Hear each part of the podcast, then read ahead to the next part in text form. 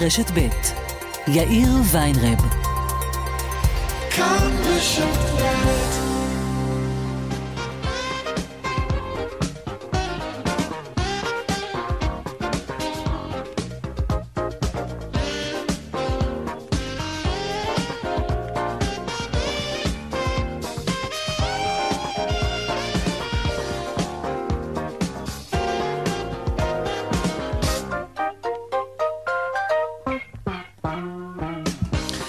קצת אחרי ארבע ועוד חמש דקות, כאן צבע הכסף ברשת ב' יום רביעי, שלום רב לכם. מפיקת התוכנית היום היא הילה פניני, טכנה השידור רומן סורקין, הדועל של צבע הכסף הוא כסף, כרוכית, כאן.org.il. אני יאיר ויינרב, מעכשיו עד חמש, אנחנו מיד מתחילים.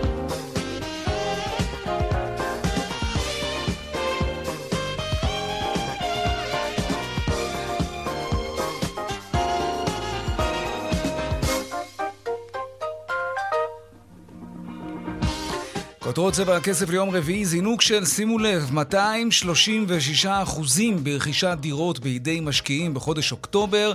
20 שנה. לא היה כאן דבר כזה, ממהרים לרכוש דירות, תכף נבין למה. ליאל קייזר, כתבתנו לענייני כלכלה, שלום. שלום אה, יאיר, צהריים טובים. אז כן, באוקטובר נרכשו כאן בישראל אה, כמעט 14,500 אה, דירות. זו הרמה הגבוהה ביותר שהייתה כאן מאז אמצע 2015. גידול של כמעט 90 אחוז ביחס לאוקטובר בשנה שעברה. וכמו שאתה אומר, מי שמובילים את הגידול הזה הם משקיעי הנדל"ן. כשאתה מסתכל מה הם עשו באוקטובר, אתה רואה שחל זינוק של 240 אחוז ברכישת הדירות על ידי אה, משקיעים ביחס לאוקטובר בשנה שעברה. הם קנו כמעט 5,000 אה, דירות. זה לא אמור להפתיע אף אחד. ידענו שהמשקיעים מנצלים את הרגעים האחרונים שבהם מס הרכישה על אה, דירות להשקעה היה 5 אחוזים בלבד. רגע לפני שהממשלה הודיעה שהיא אה, מעלה אותו ל-8 אחוזים, הודיעה פורמלית, זה היה באוויר, אבל בסוף אוקטובר הוחלט על כך אה, פורמלית, ואנחנו רואים שחלק גדול מהמשקיעים קנו אה, את הדירה הדירה אה, שלהם להשקעה ממש ביום האחרון של אה, חודש אה, אוקטובר. לכן הכלכלנית הראשית באוצר גם מעריכה, בהתאם למה שקרה בעבר, אחרי העלאת מס הרכישה, שרכישת הדירות על ידי המשקיעים תתמתן אולי. כמובן שכל שיאי הרכישות האלה צפויים להתרגם למחירי הדירות, היום 15 בחודש דצמבר, מה שאומר שבשעה 6 וחצי צפוי להתפרסם מדד מחירי הדירות. בחודש שעבר ראינו את העליות שהביאו לזה שהגענו לעליית מחירים דו-שנתית, 10 בשנה החולפת, קשה לי להאמין שלא נראה עליות נוספות עוד הערב. ליאל קייזר, כתבתנו לענייני כלכלה, תודה רבה. תודה. על הדיווח הזה. ועוד שיאים, אה, אבל חיוביים במקרה הזה, להייטק הישראלי. מהדוח השנתי של חברת PwC ישראל מתברר שמתחילת השנה, 2021, בוצעו 171 עסקאות רכישה והנפקות של חברות הייטק ישראליות. כמעט 100 מהן נרכשו בשווי של יותר מ-11 מיליארד דולר. ממוצע היקף העסקאות כחצי מיליון דולר, זאת עלייה של כמעט 200 אחוזים לעומת 2020.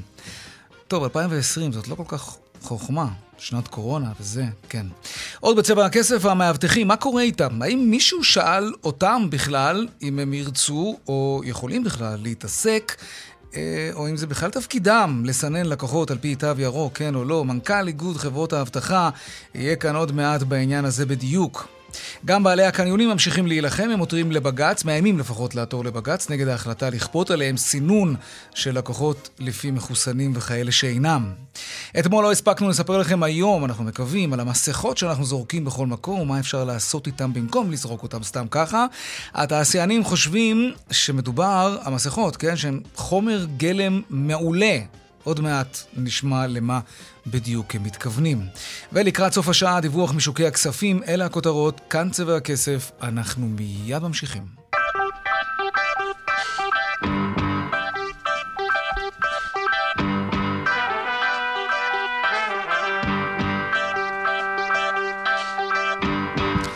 טוב, על רקע הסערה סביב הכניסה לקניונים, תווים ירוקים ו- ו- וצמידים וכולי, אנחנו רוצים עכשיו לדבר עם מי שאמור לאכוף, לא בדיוק לאכוף, אבל יותר נכון לתפעל את ההחלטות האלה, את החלטות הממשלה בעניין הכניסה לקניונים. אלו הם המאבטחים, כמובן.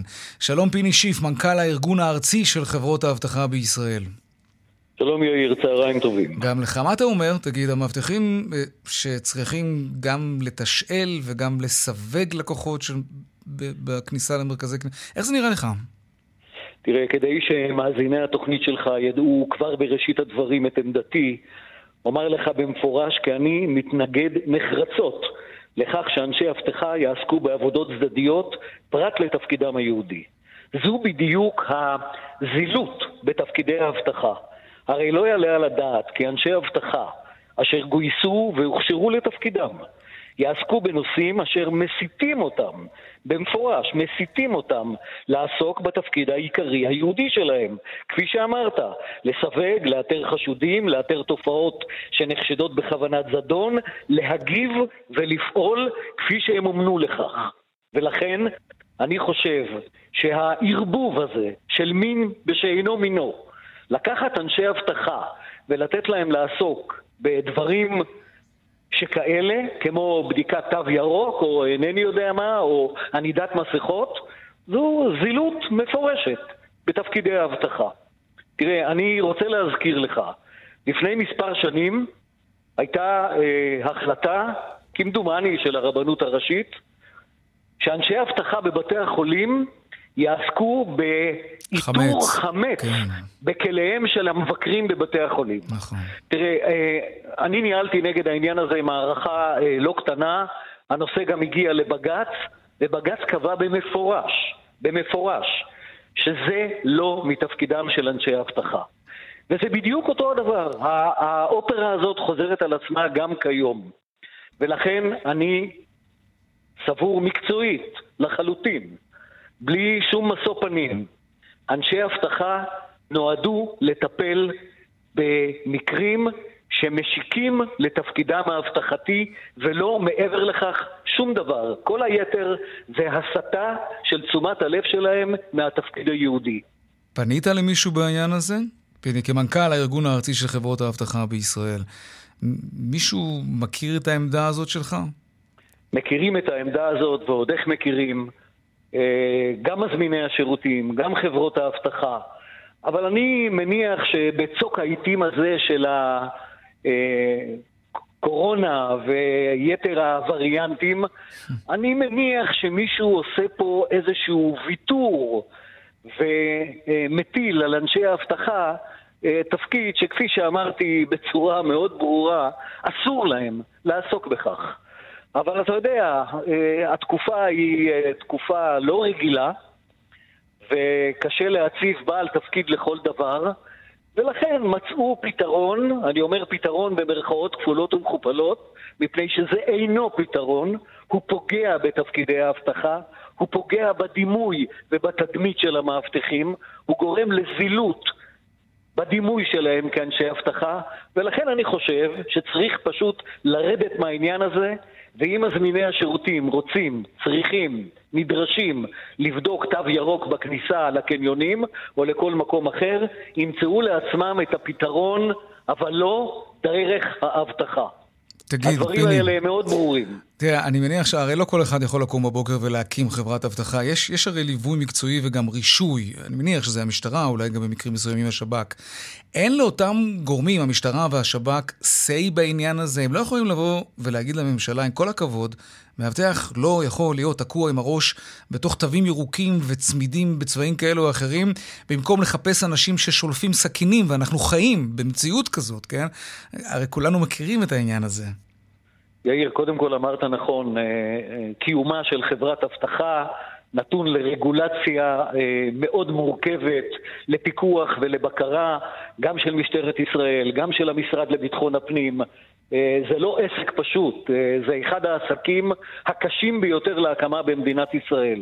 ולכן, אני חוזר על מה שאמרתי, מישהו, ואני מצפה שהמשטרה, כגוף מנחה של האבטחה, במיוחד במקומות שהם טעוני רישוי. וקניון הוא מקום טעון רישוי. לכן אני מצפה מהגורמים במשטרת ישראל, ואני בטוח שהם מודעים לכך, כן. שפשוט יטילו וטו על העניין הזה. וטו, חד משמעי, ולא יאפשרו לדבר הזה לקרות. זה לא ייתכן. זו זילות אמיתית. בתפקיד, בייעוד שלו, בדימוי כן. ובתדמית של האבטחה בכל מקום במדינת ישראל. פיני שיף. תאר לך, אנחנו, כן. אנחנו עכשיו חשופים כולנו בשבועות האחרונים למה שקורה בבתי החולים. הבריונות והאלימות כלפי הצוותים הרפואיים. תאר לך שיקחו את אותם אנשי אבטחה, שבאמת מגינים בגופם על הצוותים הרפואיים במאות מקרים בשנה, ונטיל עליהם מין uh, תפקידי שוליים כאלה, כן? מה בדיוק uh, הם יעשו במקרים שהם צריכים להגיב במהירות? זה באמת בלתי מתקבל על הדעת. זה לא, זה בטח באמת לא באופן שבו אתה מתאר את זה, באופן, וגם מהפוזיציה המקצועית שלך כמובן. פיני לא, שיף. לא, זה הזוי לחלוטין. מנכ"ל אה, הארגון הארצי של חברות האבטחה בישראל, פיני שיף, תודה רבה. תודה יאיר, צהריים טובים. גם לך. עכשיו, באותו עניין, לקניונים, שלום אייל חנקין, מנכ"ל קבוצת עזריאלי. צהריים טובים. אוי, אנחנו לא שומעים אותך כל כך טוב, רגע. כן, טוב. אתה אנחנו... שומע אותי? עכשיו שומע אותך מצוין.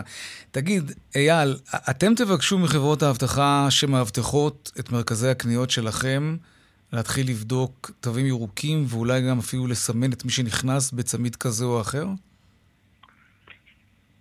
אני לא מדמיין, לא מדמיין שומר שעומד בכניסה לקניון ועכשיו צריך להתחיל לעשות סלקציה, סימון של אנשים במעקב אחריהם לאיזה חנות הם נכנסים או לא. לא מדמיין דבר כזה. אגב, מה אני כן מדמיין? אלימות, עימותים, תורים ארוכים, צפיפות, צפיפות מייצרת תחלואה. זה מה שאני מדמיין.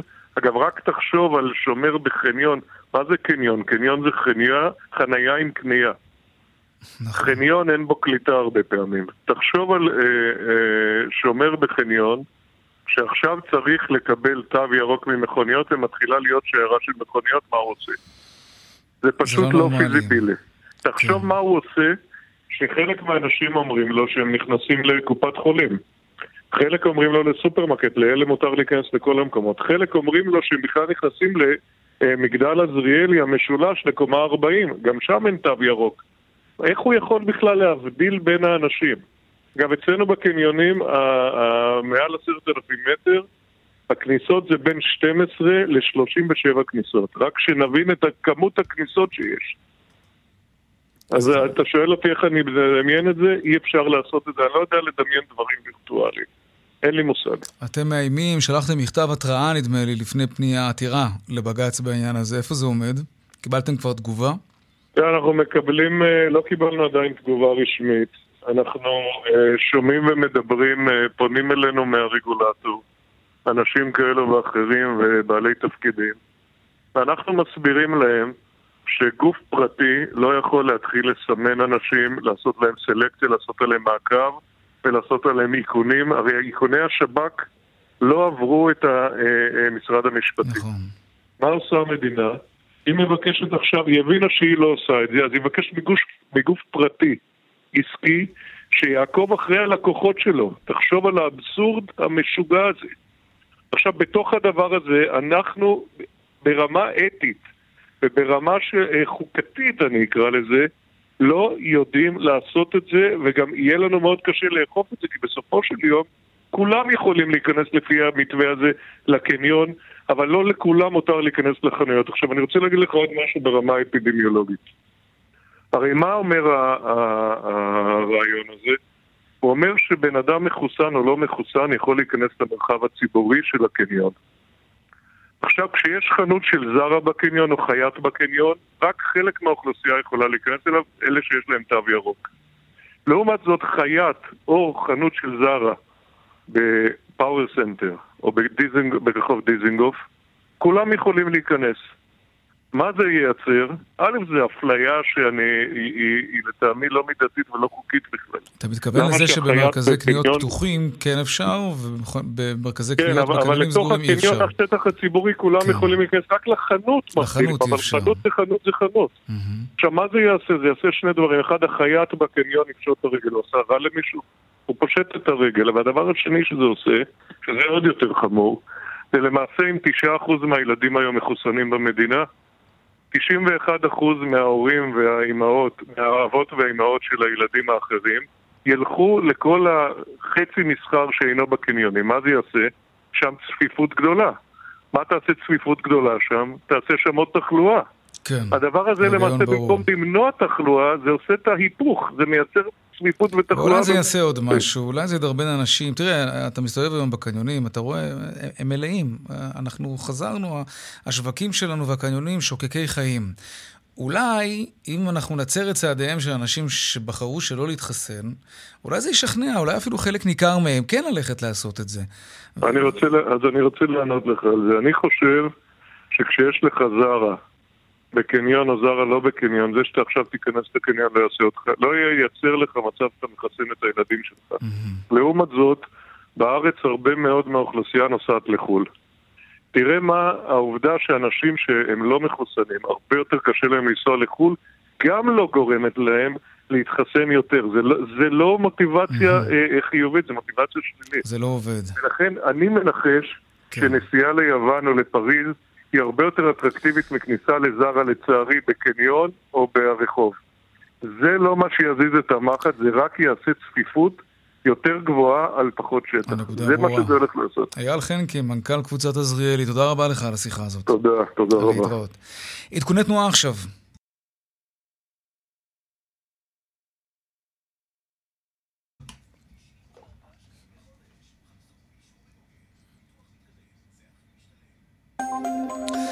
באיילון צפונה עמוס ממחלף חולון וקיבוץ גלויות עד גלילות ודרומה ממחלף קק"ל עד לגוארדיה, בדרך שש צפונה עמוס מקסם עד אייל ובדרך החוף צפונה עמוס מגעש עד נתניהו והמשך מחבצלת עד מחלף אולגה דרום. עדכוני תנועה נוספים בכאן, מוקד התנועה כוכבי 9550 ובאתר שלנו, אתר התאגיד, אתר כאן. הפסקת פרסומות קצרה ומיד אנחנו חוזרים עם עוד צבע הכסף, נדבר על נדל"ן וגם... אני אספר לכם מה החליטו בגוגל העולמית. אה, מאיימים בפיטורים אה, על עובדים שלא מוכנים להתחסן. נספר, ערן סוכרלי יהיה כאן כדי לספר את הסיפור הזה. מיד חוזרים. ארבע ועוד עשרים וחמש דקות, כמעט נדל"ן עכשיו. טוב, זה היה צפוי, וראינו גם את המגמה הזאת בתקופה האחרונה. המשקיעים מתנפלים על שוק הדירות באוקטובר, רגע לפני שמס הרכישה המיוחד, רק להם נכנס לתוקף, הוא נכנס כבר בסוף נובמבר. שלום יהודה כתב, יושב ראש ארגון הקבלנים והבונים במחוז תל אביב והמרכז, שלום לך. שלום יאיר. זה באוקטובר, הנתונים האלה מתייחסים לאוקטובר. סביר להניח שזה נמשך גם בנובמבר עד, עד סוף החודש, נכון? עד שמס הרכישה המוגדל למשקיעים מוטל סופית. כן, המס הרכישה נכנס לתוקף ב-28 לנובמבר. כן. אז, אז אנחנו... הנה, אנחנו כאן, מצב לא טוב. תגיד, לא, לא קצת ירינו לעצמנו ברגל? רצינו להרחיק את המשקיעים מהשוק, כי הם מגבירים ביקושים ואז המחירים עולים, אבל בעצם כשנתנו להם דדליין כזה רחוק יחסית, זמן היערכות נקרא לזה, אז הם פשוט התנפלו בהמוניהם, ואנחנו נראה גם את, את התוצאה של זה, שזאת תהיה עליית מחירים, לא? אה, אני אגיד לך, זה כן ולא, זה טעות. הטעות היא ביסודה, ואני אמרתי את זה, שהנושא של מס רכישה למשקיעים הוא, הוא, הוא, הוא סכום אפס, כי בעצם הם לא עשו שום דבר אה, שהוא לא נכון למדינה, והכל היה ראוי ונכון, וניסו פה לעשות איזה אלמנט פסיכולוגי. בסוף מה שקרה זה המדינה תקבל יותר בנושא מס רכישה, השוק ימשיך, המשקיעים ימשיכו, לא לשכוח שמשקיע יכול לגור אולי בדירה אחת שלו, ואם יש לו עשר דירות, אז התשע דירות הנותרות הוא, הוא זורק, שם אותן בשוק החופשי לשכירות, ובעצם אין פה שום ושום דבר. מה שאני הצעתי ואמרתי, אם רוצים ללכת לאלמנט הפסיכולוגי, אז בואו באמת תכניס איזה אלמנט פסיכולוגי, שמדברים על משקיעים ורוצים למתן את השוק, ובואו נעשה את מס רכישה, ההפרש, שיהיה רגרסיה, זאת אומרת שיהיה מדורג, סליחה, דיפרנציאלי, וזה יהיה המסר לשוק, ולא לעשות דבר שבעצם... מה זה דיפרנציאלי? מה זה דיפרנציאלי? זאת אומרת, במקום לעלות מחמישה אחוז אה, לשמונה אחוז וזה בצורה, אה, יותר הדרגתי, ולא יהיה מחמישה אחוז לעשרה אחוז, אבל אתה יודע, יהודה, אני רוצה רגע להתייחס לדברים שאמרת קודם, אה, שהם לא עשו שום דבר רע לעם ולמדינה או משהו כזה, אבל תראה, אני לא רוצה להפוך את המשקיעים לאויבי העם, כי הם בפירוש לא כאלה, וזה לא העניין. חד משמעי. אבל השוק... אבל, אבל, רגע, לא, לא, רגע, לפני, לפני הדוגמה שלך. תראה, אה, צריך להסתכל על התמונה המלאה, ודווקא אתה, כיושב ראש ארגון הקבלנים, אני מניח שאתה מכיר את הנתונים. אה, המשקיעים, אה, שזה בסדר גמור שלבן אדם יש כסף פנוי ומותר לו לעשות עם הכסף הפנוי מה שהוא רוצה, בין היתר אם הוא רוצה לקנות דירה זה בהחלט זכותו. אבל בהינתן שזה המצב, אנחנו נמצאים במשבר גדול, זוגות צעירים לא תמיד מצליחים למצוא דירה. יותר הגיוני לפנות את המשקיעים מהשוק כדי לשחרר דירות לזוגות צעירים שלא מצליחים לרכוש דירה. אבל זה לא נכון, יאיר. למה לא? אני אסביר לך למה. כי משקיע שמוכר דירה, לא לשכוח, אנחנו נמצאים עם DNA יהודי, ימצא כל דרך שיש לו כסף אוקיי. לקנות דירה. אז אם לא על שמו, על שם הבן שלו, ואם לא על הבת שלו, ואם לא על דברים אחרים. אתה מדבר פרקטית שזה לא היה עובד, בכל מקרה. לא- זה לא עבד, ראינו את זה. אז למה הם מתנפלים עכשיו? כן, אז למה... כי עכשיו, כי... אה, כי יש להם הזדמנות לקנות בזול, כמובן, יחסית. בדיוק, יש להם הזדמנות עכשיו כן. לקנות, אז מה אתה חושב שההפרש הזה של השלושה, ארבעה או חמישה אחוז, זה מה שעושה להם את הברק דיל? בכלל לא. כלומר, אתה אומר שכשתבוא הסקירה של חודש נובמבר, או יותר נכון של דצמבר, אנחנו נראה את הנוכחות של המשקיעים בשוק עדיין. אבל אני רוצה לקחת אותך כמה שנים אחורה, למשה כחלון, שגם הוא הקשה על המשקיעים, והוא כן הצליח, ככה במרכאות, להבריח אותם מהשוק. היו פחות. אתה טועה, זה לא נכון. אני אומר לך, אני אראה לך חתכים, אני יושב ראש ארגון, סליחה, אני יושב ראש גם אה, ועדת אה, כלכלה בהתאחדות הקבלנים בוני כן. הארץ, אני יושב על כל הסטטיסטיקות, יש לנו גרפים אחד לאחד, חודש, ו... חודש, יום יום. כן. זה לא היה, זה לא כצעקתה. לא? היה אז מספר יחידות דיור, מה, ש, מה שמכרו המשקיעים, קנו השניים, והמשקיע הלך וקנה דירות אחרות. סך הכל, המספרים לא השתנו. אני אומר לך את זה, זה בדוק, זה אחראי, אבל ניסו לדבר פה ולעשות סיסמאות, ואמרתי, אוקיי, בוא, לפעמים יש את האמת הפסיכולוגי יאיר, אבל הלכו יותר מדי גורף, וזה לא עזר. תשמע, אוקיי. תראה איזה טירוף. בחודש האחרון נרכשו כמעט 15 אלף דירות. זה, אתה יודע, במכפיל אה, של שנה, זה, מה זה? זה מגיע ל-180, 160 אלף דירות? לאן הגענו? אני חייב לשאול אותך שאלה שחסידי הכלכלה החופשית יקבלו קצת צמרמורת מהשאלה הזאת, אבל בכל זאת, תראה, שיעור א' בכלכלה, כשהביקוש עולה, המחיר עולה. דיברנו כאן עם כמה וכמה אנשי נדל"ן בתקופה האחרונה, אנשים שבונים, קבלנים, כמוכם, כן, יזמים וכולי. אה, הם לא התביישו לומר, אה, מבחינתם אולי גם באמת אין מה להתבייש, שהם יקרו את הדירות שהם מכרו לפני שנה, הם מוכרים אותם היום, את אותה דירה בדיוק, בחצי מיליון שקל יותר. גם אתה הכרת בחצי מיליון שקלים דירות שמכרת לפני שנה בפחות? אני לא נכנס למה שניסיתי, אני פה לא מייצג את האינטרס הפרטי של קבוצת כתב, אני סך הכל יושב ראש ארגון מקצועי. לא, אבל למה קבלנים עושים את זה? רגע, אני אגיד לך. לא, אני אגיד לך. קודם כל, לא, כן. קבלנים לא עושים, כי זה השוק נותן להם לעשות. קבלן לא יכול להמציא לבד. מאה אחוז, אבל למה אין איזשהו כן. מעצור פנימי? למה קבלנים לא... מעצור? למה לא? למה שלא יהיה מעצור? תראה את יבואני המזון, הם עצרו. קם קול צעקה גדול, כן. עולם המזון הוא לא כעולם הנדל"ן והדירות, ועכשיו אני אגיד לך משהו, ותראה איך אתה מסכים איתי, ואפילו בשתיקה. אוקיי. קבלן היום שמכר דירה בעוד 500 אלף שקל ממה שהוא צפה, אוקיי? מכר דירה, נגיד שהייתה אמורה להימכר ב-2 מיליון, ב-2 מיליון וחצי. סיים את הפרויקט, יאיר. הוא בא לסוף הפרויקט, הרוויח, וואלה, אתה יודע מה, נגיד 30 מיליון שקל. כשהוא בא לקנות את, ה, את, ה, את השכן, את המגרש השכן, אותו דבר, mm-hmm. הוא משלם עליו הרבה יותר. נכון, המחירים עלו של הקרקע, אבל הם לא... של הקרקע. זה לא פרופורציונלי, אבל... כסף מפה, כסף לשם. מה לא פרופורציונלי? קרקע באור יהודה שתעלה היום כמעט מיליון וחצי שקל, שמענו פעם מיליון וחצי שקל קרקע? לאן הגענו? כן, אבל זה לא הגיוני, או, זה, לא, בקריית לא- גת, זה לא הגיוני שדיירים... היו אפס הצעות, רגע, סליחה, אני אגיד לך, היו אפס הצעות, יאיר, ברשותך, לפני 4-5 שנים, תשאל את אבירם דהרי, והיום קרקע ליחידת דיור בכרמי גת כמעט 700 אלף שקל. לאן הגענו? 700 אלף שקל רק קרקע, רק קרקע, יאיר.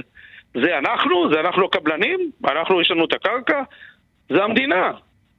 אז לאן אנחנו באנו? והמדינה אין לה שום אינטרס להוריד את מחיר הדירות, אני אומר לך פה באחריות, באחריות עם שלושה סימני קריאה. לא לרשות המיסים. בטח, כן. ולא, ו, אה, ולא לרמי. אין שום אינטרס להוריד. אוקיי. וגם מפחדים שיהיה נפילה של המוסדים והבנקים. פשוט צריך לעצור את השוק, למתן אותו, לצנן אותו. אין פה ענייני קסם. לא מחיר מטרה ולא מחיר מה שהיה קודם למשתכן או למסתכן, סליחה שאני אומר את זה. אבל אין פה מטה קסם. צריך לדעת לעבוד. זה עובדים, זה רגולציה, לשחרר קרקעות. טוב, הם משנים עכשיו את שיטת השיווק, אולי זה יעשה משהו. קצת. זה קטן. יעזור, אה, תראה, מחיר מטרה הוא יעזור, הם יעשו אותו כן. גם נכון, שהגבילו בעצם את ההנחה. כי מה היה אז קודם במחיר למשתכן? שאדם בגליל ים קנה דירה בהנחה של מיליון וחצי שקל, למה מגיע לו? תסביר לי למה נכון, מגיע לו, מישהו כן. שיכול להסביר לי, ואדם בירוחם בקושי ב-50 אלף שקל. כן, יהודה כתב, יושב ראש ארגון הקבלנים והבונים במחוז תל אביב והמרכז, תודה רבה לך. ערב טוב שיהיה. להתראות. טוב, לעניין הבא שלנו, אה, המס על המשקאות הממותקים, זה כולל גם השקעות עם ממתיקים מלאכותיים. למה בעצם? שלום דודי מנביץ', יושב ראש איגוד יצרני המזון בהתאחדות התעשיינים. יאיר, שלום לך ולכל ציבור המאזינים. תודה כן. רבה. לפני משקאות הדיאט, שנראה לי זה יהיה עיקר השיחה, אמ, אתה ואתם בכלל, בתעשיית המשקאות הקלים והמזון, מצליחים להבין מה ההיגיון במס הזה?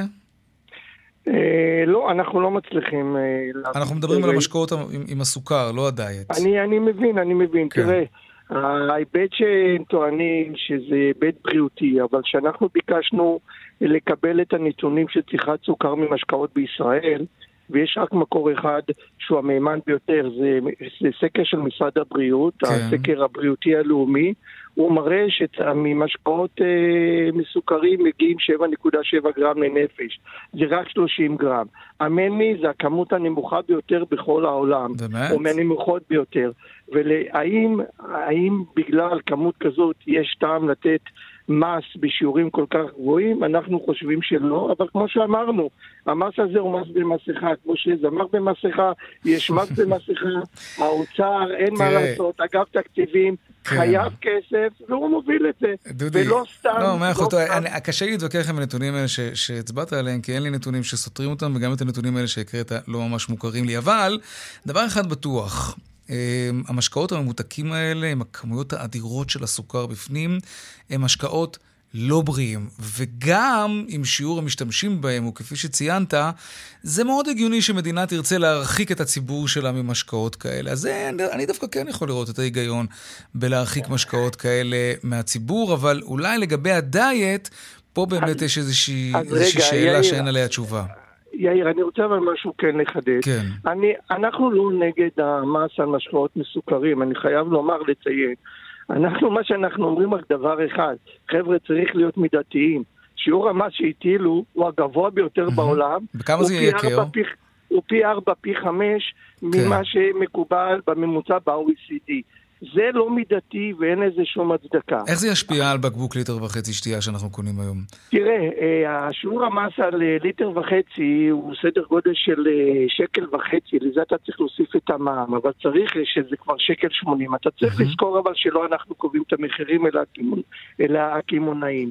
עכשיו, בוועדת הכספים חלק מחברי הכנסת עשו עבודה מקדימה והגיעו ביניהם חבר הכנסת אורי מקלב והוא הראה שעל תרכיזים, לדוגמה, הוא עשה בדיקה ששיעור המס יהיה מעל 100 אחוז, נדמה לי הגיע ל-130 אחוז.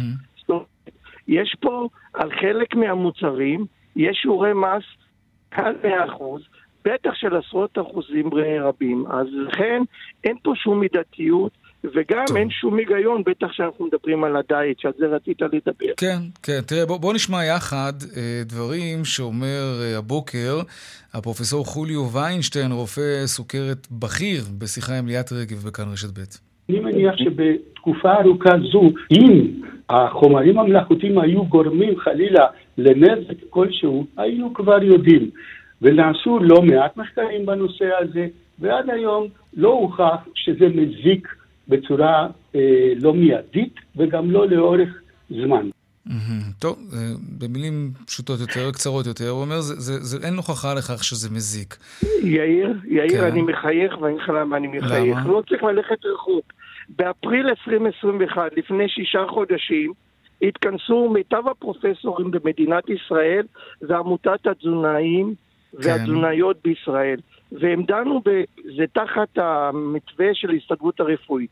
הוציאו מסמך מדהים, שפרק י"א שלו דן רק בממתיקים טבעיים ומלאכותיים. ומה הייתה השורה התחתונה שלו? והשורה התחתונה, דרך אגב, ראש אגף, ראש אגף התזונה של משרד הבריאות, כתבה גם את המסמך הזה, ובשורה התחתונה יש מסקנות והמלצות. ומה זה אומר? אין שום חשש להשתמש בממתיקים מלאכותיים וטבעיים.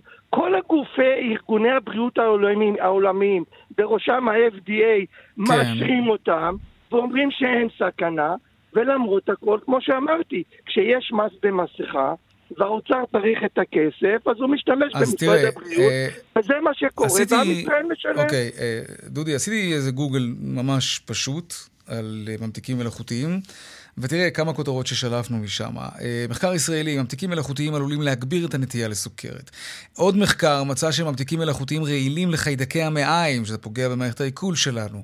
עוד uh, מחקר, חוקרי מכון ויצמן, לא תגיד סתם משהו, כן? ממתיקים מלאכותיים דווקא משמינים. ממתיקים מלאכותיים עשויים להגביר את הנטייה לסוכרת, ויש עוד. יש... המחקרים הם לא אחידים. יאיר, אני יכול לעזור לך? כן. כל המחקרים האלה במרביתם הופיע פרופסור ערן סגל ממכון ויצמן והציג כן. אותם. ואז מה שהתברר, קודם כל, הוא פרופסור מאוד מכובד ואני מכבד אותו, אבל כששאלו אותו שהוא פרופסור למה, אז הוא פרופסור למתמטיקה ומדעי המחשב. ככה הוא הציג. אז רק כדי שאנחנו נאמר מה הוא אמר, ככה הוא הציג את עצמו. אני לא הכרתי אותו עד אז. כששאלו אותו על כמה אנשים נעשה המחקר, אם אני לא טועה, הוא אמר על שבעה אנשים, ואם טעיתי באדם אחד או שניים, אז אני מבקש סליחה. אה, כן? זה מה שהוא אמר? כן, רגע, תעשה גוגל ותקרא גם מה שכתוב בתוך הגוגל, אז גם תמצא את זה. יש לי התפתחויות שלו, שראינו אותו בגלובס לפני מספר שנים, ואפשר לקרוא. אז בסופו של דבר, מחקרים, צריך כן. להבין, עולם הרפואה עובד על דבר שנקרא evidence-based. ל-evidence-based, ראיות מוצקות ברפואה, יש כללים, יש מחקרים רציפים ויש נקודתיים וכדומה, צריך לעמוד בכללים. אין מחקרים שעומדים בכללים האלה, שאומרים שתחליפי סוכר הם אינם בריאים. אין, זה הכל ספקולציות. ושאחד יבוא ויראה את זה. כן, אותי זה דווקא משמח, למה אני חייב לומר שאני מכור לאחד המשקאות, לא נגיד איזה כמובן, אבל אה, טוב, נקווה שזה באמת לא משהו שדופק לנו את הבריאות לטווח הארוך. דודי בנביץ', יושב ראש איגוד תעשיות המזון בהתאחדות התעשיינים, תודה רבה לך. גם לך, תודה רבה לכל המאזינים. דיווחי תנועה.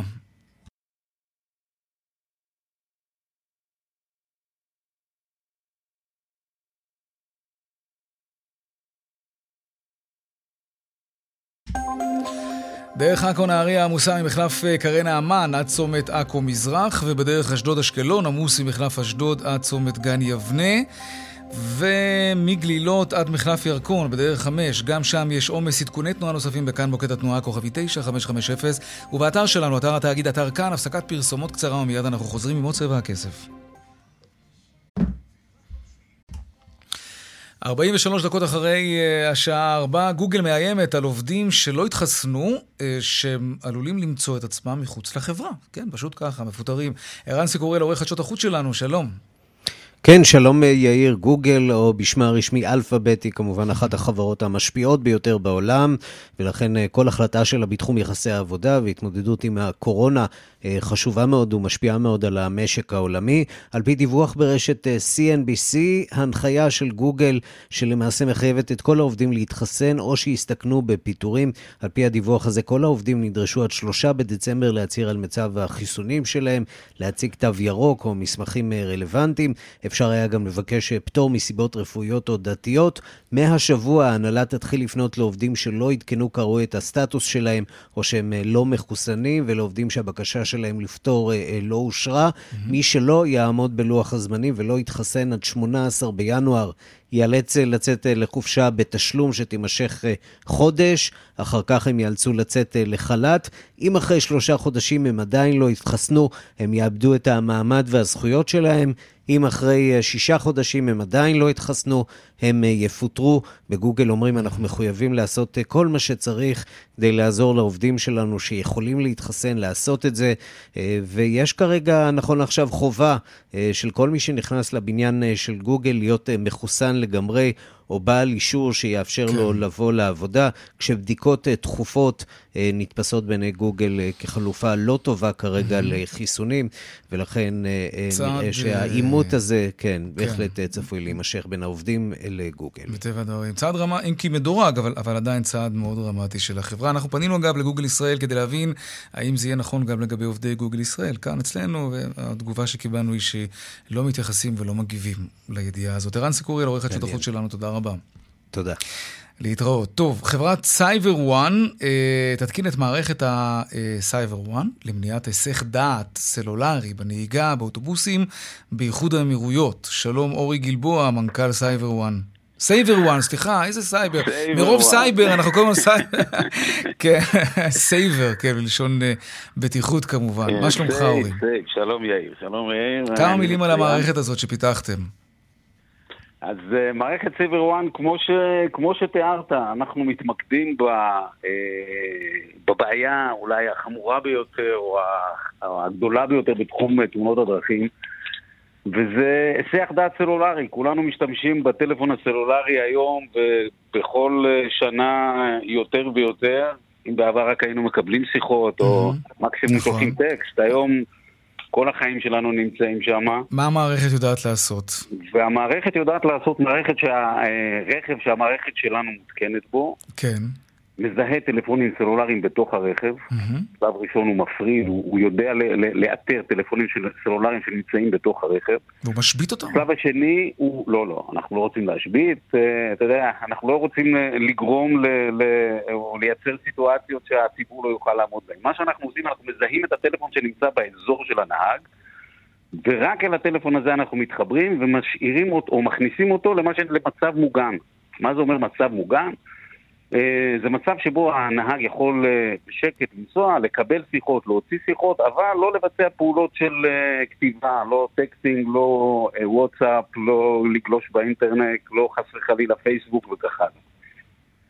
כלומר, אני נכנס לאוטו, אני שם את הטלפון על המגנט, ואם המערכת הזאת מותקנת אצלי במכונית, אני לא יכול לעשות שום דבר חוץ מלקבל שיחות ולהוציא שיחות. That's it. בוא נגיד, למעשה מה שאנחנו עושים היום זה, אה, או המצב הדיפולטי של המערכת, אה, אומר, אתה יכול לקבל ולהוציא שיחות, אנחנו מאמינים שצריך, אה, אתה יכול להשתמש באפליקציית ניווט. תגיד, אבל לא, לא, אני מניח שזה מיועד לחברות שיש להן צי רכב וכולי. אנשים לא מצאו איזשהו טריק לעקוף את הסיפור הזה?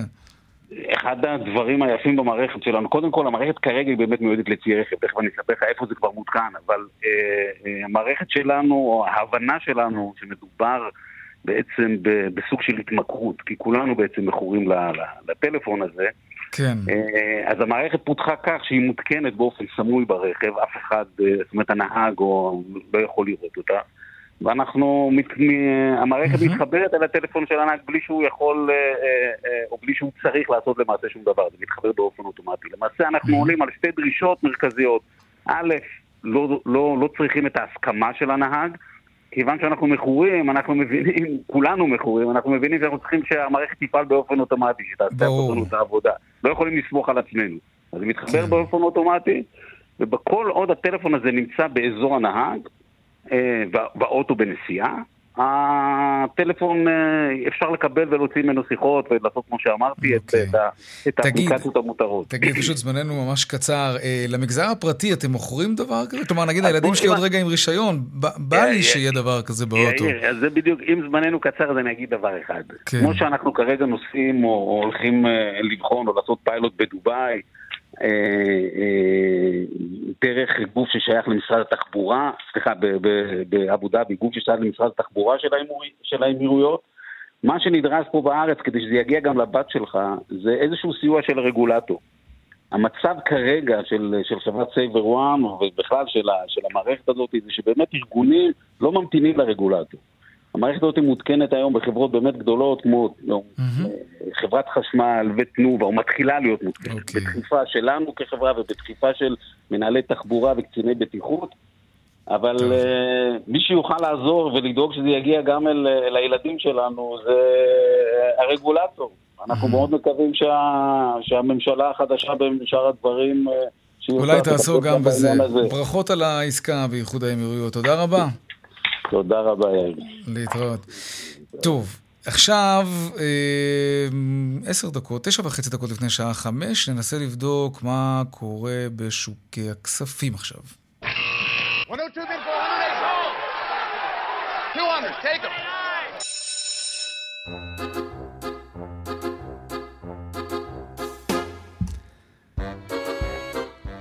שלום אלה אלקלה, יושבת ראש IBI השקעות. שלום, שלום. Uh, האירוע הפיננסי הכי חשוב של היום יהיה רק הערב בתשע, uh, הודעת הריבית האחרונה ל-2021 של הבנק המרכזי בארצות הברית. האם ובכמה תצומצם תוכנית הרכישות של הפד, הריבית, עד כמה המשק האמריקאי מודאג מאינפלציה, כל זה הערב בתשע. על רקע הציפיות הללו, המחזור בישראל עמד על 1.3 מיליארד שקל, כשהשוק במגמה מעורבת, מדד המעוף אה, תל אביב 35 עלה ב-0.17, תל אביב 90 ירד ב-0.67 ומדד המניות הקטנות כמעט ולא זז, 0.09. הבורסה בתל אביב, האמת נהיית יותר ויותר מעניינת.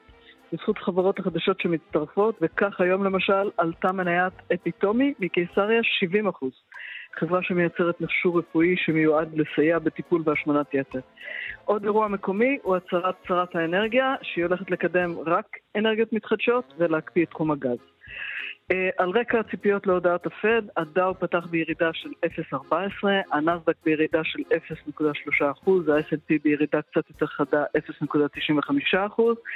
אה, באירופה היורוסטוקס עלה ב-0.47 והדקס בגרמניה עלה ב-0.24%. מבחינת מטח, הדולר נסחר בשער של 3.1394, עלייה של 0.11%. היורו שקל נסחר ברמה של 3 שקלים 53 אגורות עלייה של 0.04. אז ברקע, אנחנו בשיא עונת החגים בארצות הברית, היא נפרסה השנה לאורך קצת יותר זמן אה, וראינו פחות ימי שיא משמעותיים, אבל אין ספק שמה שבאמת אה, משפיע על עונת החגים זה האומיקרון. אה, עם חששות שהוא מייצר לשיבוש המפגשים המשפחתיים, חופשות החורף, ובעיקר החשש שהוא יחזיר את ארה"ב בסין כן. לסגרים. תודה רבה. אלה אלקלה, יושבת ראש IBI השקעות, תודה רבה. להתראות.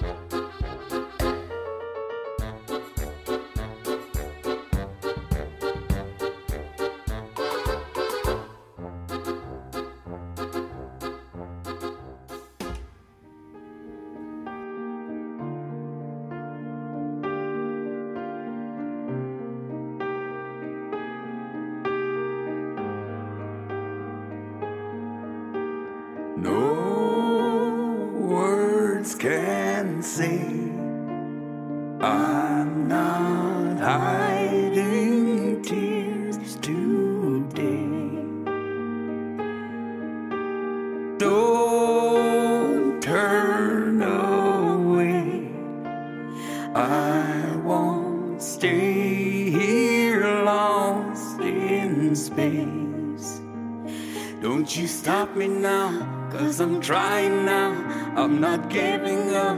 Got a dreaming heart. Don't you stop me now, don't you stop me now. Stop me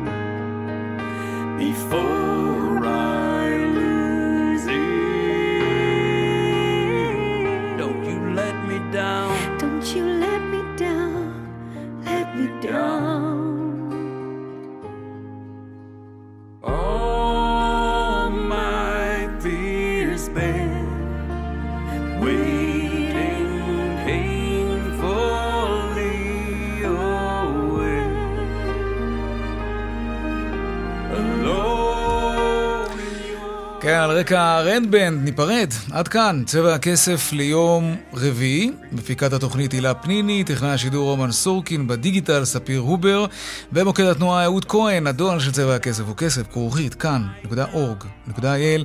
מיד אחרינו שלי וגואטה, אני יאיר ויינרב, נשתמע כאן שוב ביום ראשון בארבעה אחר הצהריים, ערב טוב ושקט שיהיה לנו סוף שבוע נעים וחמים. ביי. Before